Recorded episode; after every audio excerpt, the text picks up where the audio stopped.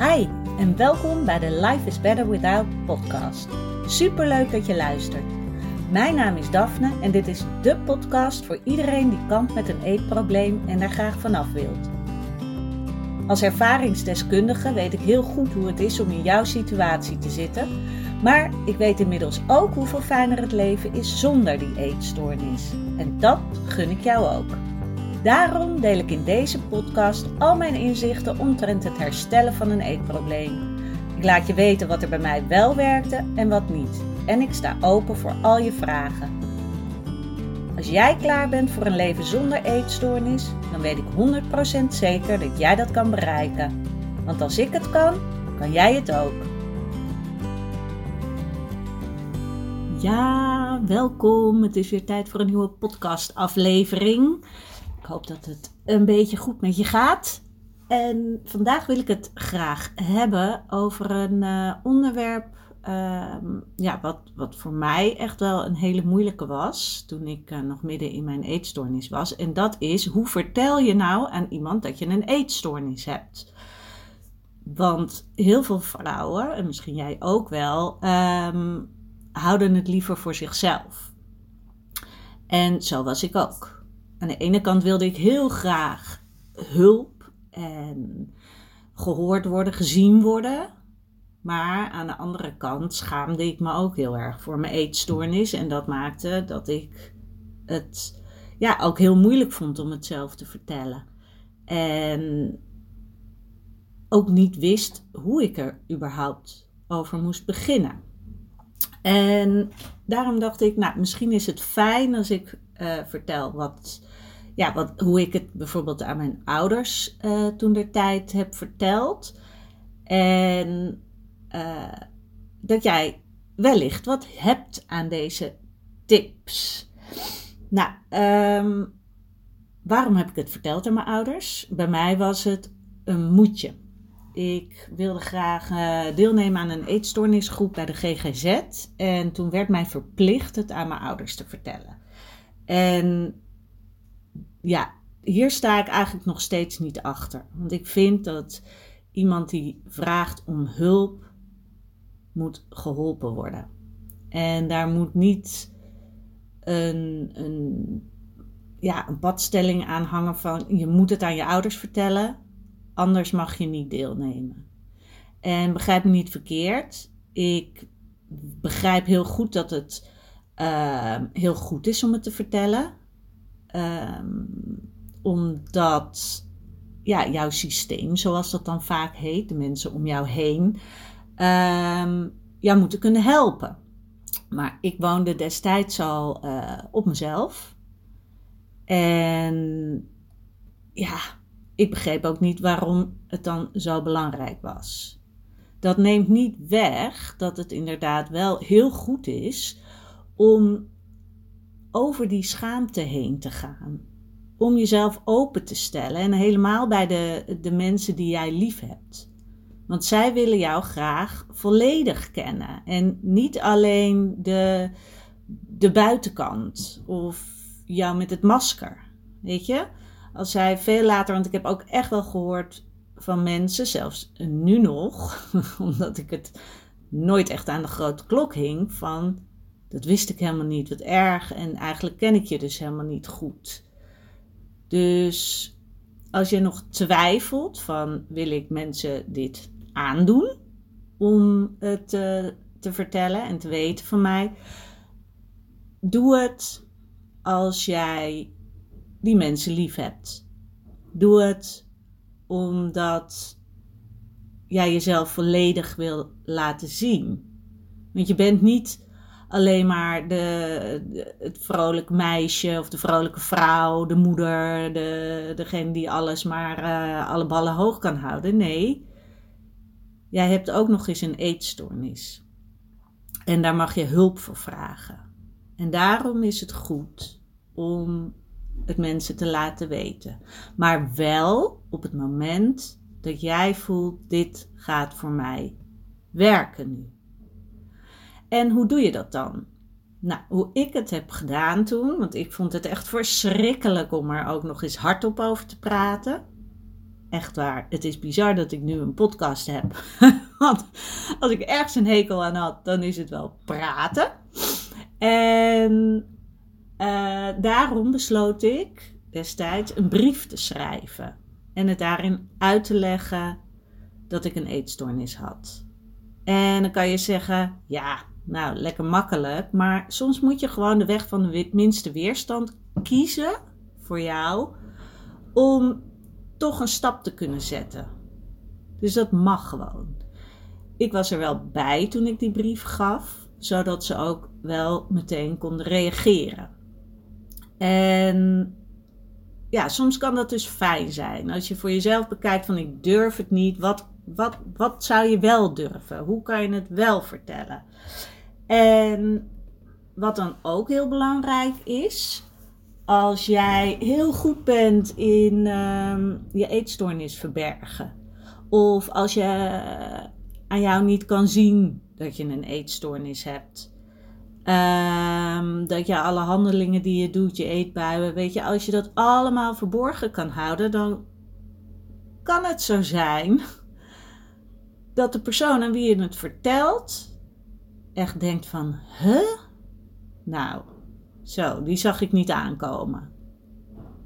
En diegene zal misschien vragen stellen als: Hé, maar hoe lang dan al? En je ziet helemaal niks aan jou. En je eet toch gewoon, want misschien eet je wel bij die mensen in de buurt. En uh, gooi je het daarna er weer uit. Of uh, kies je andere uh, manieren om te compenseren, bijvoorbeeld. Weet je wel? Wat ik wil zeggen daarmee is um, verwacht niet te veel van het gesprek uh, als jij vertelt over je eetstoornis. Want je wil misschien het liefste dat je denkt: als ik het nu vertel, dan lost het heel veel dingen op. Nee, dat zal niet meteen gebeuren. Weet je, uh, iedereen reageert anders. Sommige mensen weten niet hoe ze moeten reageren op, op iemand die een eetstoornis heeft. Want het blijft ja, het blijft een beetje een taboe onderwerp. Weet je, uh, iedereen kan er wel uh, over praten, maar als het dichtbij komt, dat is toch een heel ander verhaal. Dus ga zo'n gesprek in met niet te veel verwachtingen. En ga jezelf ook, um, ja, hoe zeg je dat nou? ga jezelf ook niet te streng toespreken. Zo van, oh, nou, zie je wel, uh, diegene had het helemaal niet door, dus het zal wel niet zo erg zijn. Of, uh, oh, iemand vindt het wel heel erg. Zo van, oh nee, nou heb ik iemand met een uh, probleem opgezadeld. Weet je, wees lief voor jezelf. Het gaat erom, jij hebt het verteld. En dat is super. Helemaal als jij het moeilijk vindt om je open te stellen jij hebt het maar mooi gedaan. 1-0 voor jou versus je eetstoornis. Weet je, want die eetstoornis wil waarschijnlijk dat jij het gewoon voor jezelf houdt. Zodat je jezelf al die regels kan blijven opleggen. En dat niet iemand van buitenaf gaat zeggen dat je het anders moet doen. En daarom weet je, geef jezelf een schouderklopje dat je het hebt gedaan. Want het is super knap.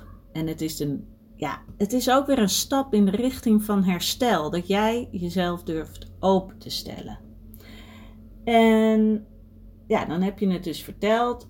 En hoe ga je dan verder? Weet je? Het is natuurlijk heel lastig voor iemand die dit zomaar op zijn bordje krijgt om daar iets mee te doen. Misschien weet die persoon heel weinig van eetstoornissen.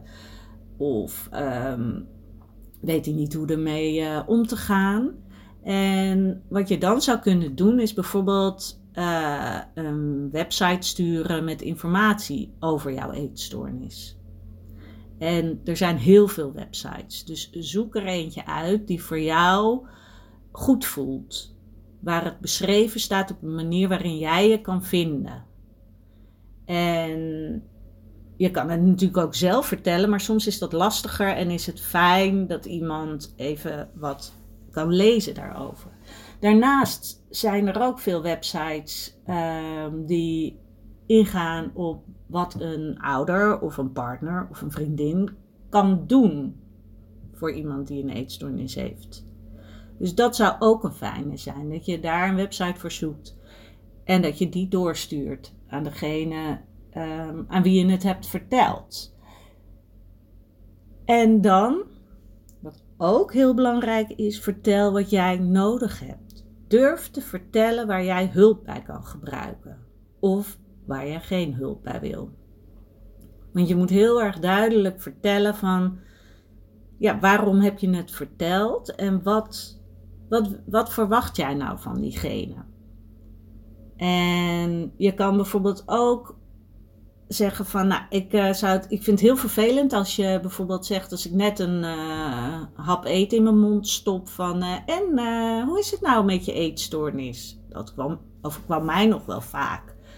Want voor mensen die er buiten staan, die zoeken een aanleiding om erover te kunnen beginnen. Dus als er eten in het spel is, gaan ze zeggen van, of gaan ze vragen van, oh, hoe is het trouwens met je eetstoornis? Nou, dat is natuurlijk verschrikkelijk, want dan denk jij waarschijnlijk, althans dat had ik, oh god, nu gaat ze hierover beginnen. Ik heb net eten in mijn mond. Oh, dit is helemaal awkward. En dan gaat je eetstoornis natuurlijk keihard schreeuwen van... Ja, zie je nou wel? Dan ben je gewoon eten eh, aan het, uh, aan het eten. En uh, dat mag natuurlijk helemaal niet. Weet je, het, is een, ook weer, het kan een enorme trigger voor je zijn... om dan weer je eetstoornis heel hard te laten schreeuwen. Dus geef dat aan. Dat je daar niet zo op zit te wachten. Dat als jij net aan het eten bent, dat iemand dan over je eetstoornis begint. Of misschien vind je het wel super irritant als mensen op je gaan zitten letten terwijl je aan het eten bent met hen in de buurt. Want dat zijn logische dingen. Het zijn hele vervelende dingen voor jou als jij een eetstoornis heeft, maar voor mensen die het niet hebben, maar het wel weten van jou, ja, die gaan toch dan op je letten. Dus geef aan ja, hoe dat voor jou is. Of je dat wel fijn vindt of niet fijn vindt. Hetzelfde als met, um, weet ik het, uh, dat, dat ze eten opscheppen voor jou. Of je dat wel of niet wil. Waarin kunnen ze je wel of niet helpen? En, belangrijk is wel, spreek zelf en laat niet je eetstoornis spreken. Weet je, hou ook in gedachten, je wilt herstellen. Je wil telkens een stapje nemen. Dus laat ze je ook helpen. Maar geef een beetje pointers aan van waar ze op kunnen letten. Waar, heb jij behoefte aan? Dat is denk ik heel belangrijk en dat is ook fijn voor degene aan wie je het hebt verteld, zodat diegene ook echt wat voor jou kan doen. Want anders blijft het heel erg in het luchtledige en nou ja, dan heb je het verteld. Nou, en dat was het. Ik bedoel, dat heb ik ook wel meegemaakt. Dat het dan daarna er niet meer echt over gaat. Want hoe awkward is het als iemand moet vragen: Nou, eh, hoe is het met jou? Vertel eens uh, hoe het gaat met je eetstoornis. Ja, dat, ja dat, dat is gewoon een hele lastige vraag. En wat je ook zou kunnen doen, is uh, dat je bijvoorbeeld zegt van, nou, ik, ik mail je zo nu en dan een update hoe het gaat. Weet je, dan heb je ook weer een manier uh, um, gevonden waarop, ja, waarop je er wel met ze over kan praten. Want dan heb je die mail waar ze op terug kunnen vallen. Of uh, misschien kan je vragen of ze een keertje mee willen naar een coachsessie.